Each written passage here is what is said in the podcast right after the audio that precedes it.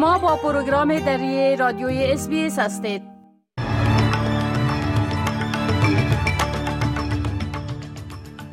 با عرض سلام ما صاحب شکیب شما را به شنیدن مهمترین اخبار امروز 18 همه ماه جولای سال 2023 دعوت می کنم.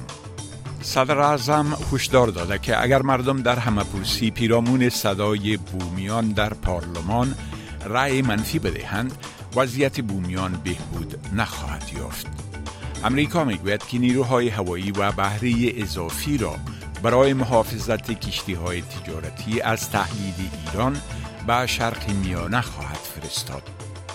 طالبان یک گزارش تازه ملل متحد پیرامون حقوق بشر در افغانستان را پروپاگند و معلومات نادرست خواندند.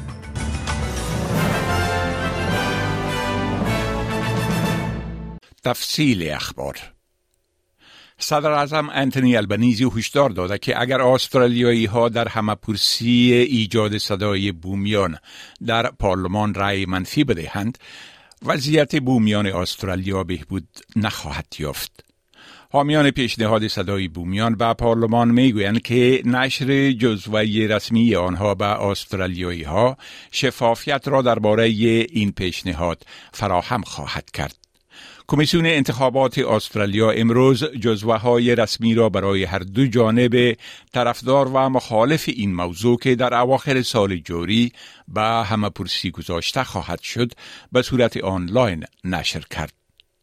جاناتن ترستن، ایدی بیتس و ایوان گلوگان کاولی چهره های سرشناس ورزشی بومی از جمله سهم گیرندگان در جزوه رسمی جناح موافق یا یس کمپین هستند. مخالفان پیشنهاد ایجاد صدای بومیان در پارلمان در جزوه خود این اقدام را خطرناک تفرقه افغانانه و بیفایده خواندند. آقای البنیزی می گوید رأی مثبت به صدای بومی ها نشان دهنده احترام عظیم به بومیان استرالیا خواهد بود. If Australia votes no, um, that is uh, saying that we'll keep doing things the same way. If you keep doing things the same way, you should expect the same results. We need to do things differently, and we need to do that by showing respect ویکتوریا از میزبانی بازی های کشورهای عضو کامنولت در سال 2026 صرف نظر کرده است. دانیل اندروز صدر اعظم این ایالت می گوید که حکومت او در ابتدا فکر می کرد که بر میزبانی این بازی ها که قرار بود در ملبورن و مناطق اطرافی ویکتوریا برگزار شوند دو شش میلیارد دلار مصرف خواهد شد. ولی اکنون برآورد می شود که بر راه اندازی این بازی ها حداقل 6 تا 7 میلیارد دلار مصرف خواهد شد که این خیلی زیاد است. آقای اندروز ادعا می کند که این افزایش در مصرف به صورت درست پیش بینی شده نمی توانست. The stadium upgrades, the housing upgrades can all be delivered because the cost pressures Uh, there'd already been some factoring in of cost pressures when it comes to the construction industry, for instance. What could not be reasonably foreseen and what was not foreseen was the costs incurred in terms of services, security, transport, not capital dollars, but bills that would be paid to contractors, to those who provide services, to those who do all the uh, logistics. آقای اندروز می‌گوید به جای این کار اکنون بیش از دو میلیارد دلار بر توسعه مناطق روستایی ویکتوریا مصرف و همچنان یک صندوق یک میلیارد دلاری برای ساختن مسکنهای اجتماعی و ارزان قیمت در سراسر ویکتوریا ایجاد خواهد شد. اداره ملی علوم استرالیا هشدار داده است که تورم بر ایجاد انرژی های تجدیدپذیر تأثیر خواهد گذاشت. ارقامی که امروز نشر شده نشان می دهند که مخارج تولید و نصب امکانات انرژی های قابل تجدید طور اوسط 20 فیصد افزایش یافته است. با این هم اداره ملی علوم یا CSIRO و همچنان مسئول اجراعات بازار انرژی استرالیا می‌گویند که انرژی های قابل تجدید هنوز هم موثرتر از اعمار دستگاه های جدید گازی یا زغال سنگی هستند. این در حال است که وزرای انرژی، رهبران صنعتی و سرمایه گذاران برای یک نشست دو روزه مباحثه در مورد انرژی در سیدنی گرد هم می آیند. لیسا زمبروت مدیر عامل نهاد شنایدر الکتریک یک متخصص جهانی در مدیریت انرژی است او می‌گوید که مؤسسات تجارتی با وجود مشکلات مشتاق استفاده از انرژی های قابل تجدید هستند Energy volatility is a tough issue, but businesses are taking on the challenge and finding ways to be more energy efficient, adopt renewables, and decarbonize. And the difficult energy market means sustainability actions are paying for themselves faster.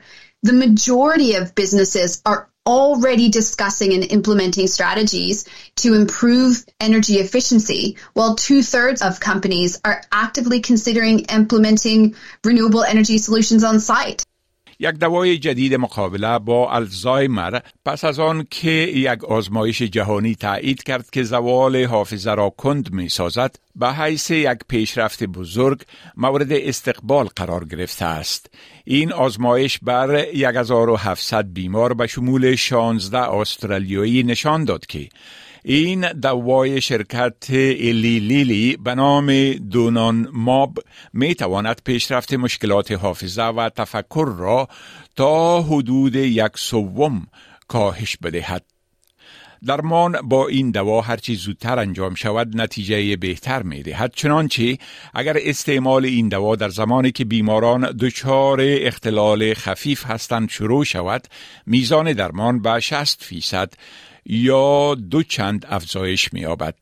انتظار می رود که سازمان غذا و دوای ایالات متحده امریکا در اواخر سال جاری تصمیم بگیرد که آیا این دوا را تایید کند یا نه. در حالی که اداره محصولات درمانی استرالیا هم آن را به خاطر تایید مورد بررسی قرار داده است. ایالات متحده امریکا در پاسخ به آنچه که تهدید کشتی های تجارتی توسط ایران می‌خواند جتهای جنگنده و یک کشتی جنگی اضافی را به شرق میانه خواهد فرستاد.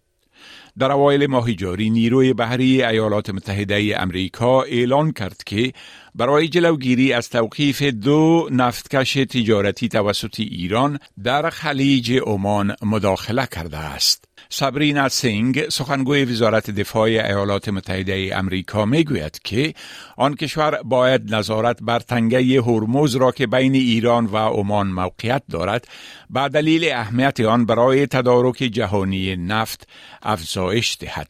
In light of this continued threat, and in coordination with our partners and allies, the Department is increasing our presence and ability to monitor the Strait and surrounding waters. We call upon Iran to immediately cease the, these destabilizing actions that threaten the free flow of commerce through this strategic waterway of which the world depends on for more than one fifth of the world's oil supply. ولادیمیر پوتین رئیس جمهور روسیه هشدار داده است که قوای نظامی روسیه به خاطر حمله ویرانگر های نیروی بحری و سرویس های امنیتی اوکراین به پل که کریمه را به روسیه وصل می کند انتقام خواهد گرفت. در این حادثه دو غیر نظامی کشته شدند و فرزندشان مجروح گردید. گردشگران روسی معمولا به وسیله این پل به کریمه که روسیه آن را زمیمه کرده است می روند چون پروازهای تجارتی از روسیه به کریمه از زمان آغاز تهاجم روسیه به یوکراین در سال گذشته متوقف شدند. آقای پوتین مدعی است که حکومت یوکراین مرتکب یک عمل تروریستی شده است. В завершение хотел бы сказать вот что. Повторить, что произошедшее – это очередной террористический акт киевского At the end, I would like to repeat that what has happened is yet another terrorist act committed by the Kiev regime. This crime is senseless from the military standpoint because the Crimean Bridge has not been used for military logistics for a long time. It is also a cruel crime because innocent civilians have been killed. Of course, there will be a response from the Russian side. The Defence Ministry is preparing adequate proposals. حکومت طالبان به یک گزارش انتقادآمیز تازه ملل متحد پیرامون حقوق بشر در افغانستان واکنش نشان داده و آن را پروپاگند و معلومات نادرست خوانده است. در این گزارش نمایندگی ملل متحد در افغانستان یا یونما آمده است که حکومت طالبان هنوز به محدود کردن حقوق زنان و دختران ادامه داده و مقامات طالبان در سازمانهای غیر دولتی داخلی به رهبری زنان مداخله می کنند. در گزارش همچنان از ثبت حوادث کشتار غیر قانونی کارمندان نظامی حکومت سابق توسط طالبان و محدود شدن آزادی رسانه ها در افغانستان یادآوری شده است. در گزارش یونما همچنان گفته شده که در حدود 15 هزار نفر در زندانهای حکومت طالبان در توقیف قرار دارند که در بین آنها زنان و دختران اند که مدت حبسشان تکمیل شده یا حکم آزادیشان صادر گردیده ولی محرم ندارند که به آنها تسلیم داده شوند.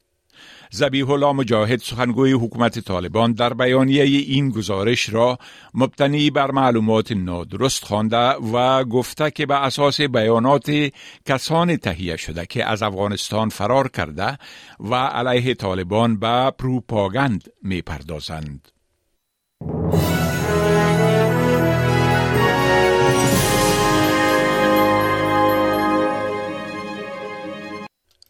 حال اخبار ورزش ارزش دلار استرالیایی در برابر اسعار جهان و وضع هوا برای فردا جاش هزلوود توپنداز یا بولر سری تیم کرکت استرالیا می گوید برای بازی در دو مسابقه آخر تورنمنت اشز مردان در انگلستان آمادگی خوبی دارد.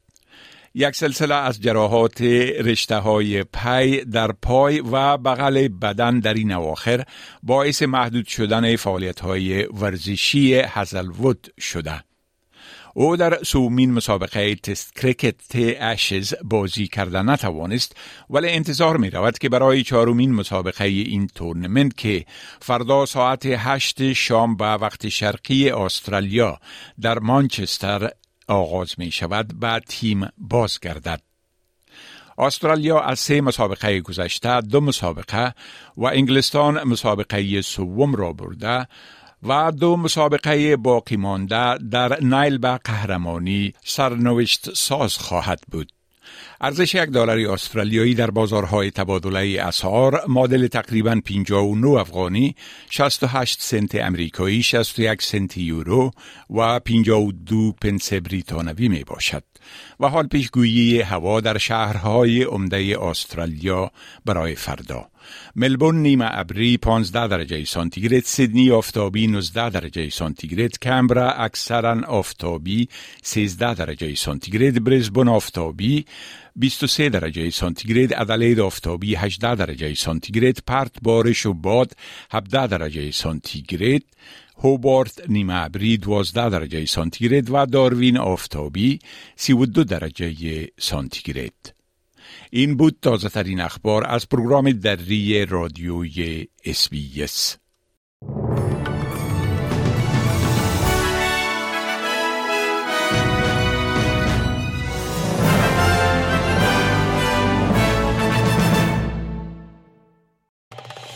بپسندید شریک سازید و نظر دهید. اسپیس دری را در فیسبوک تعقیب کنید.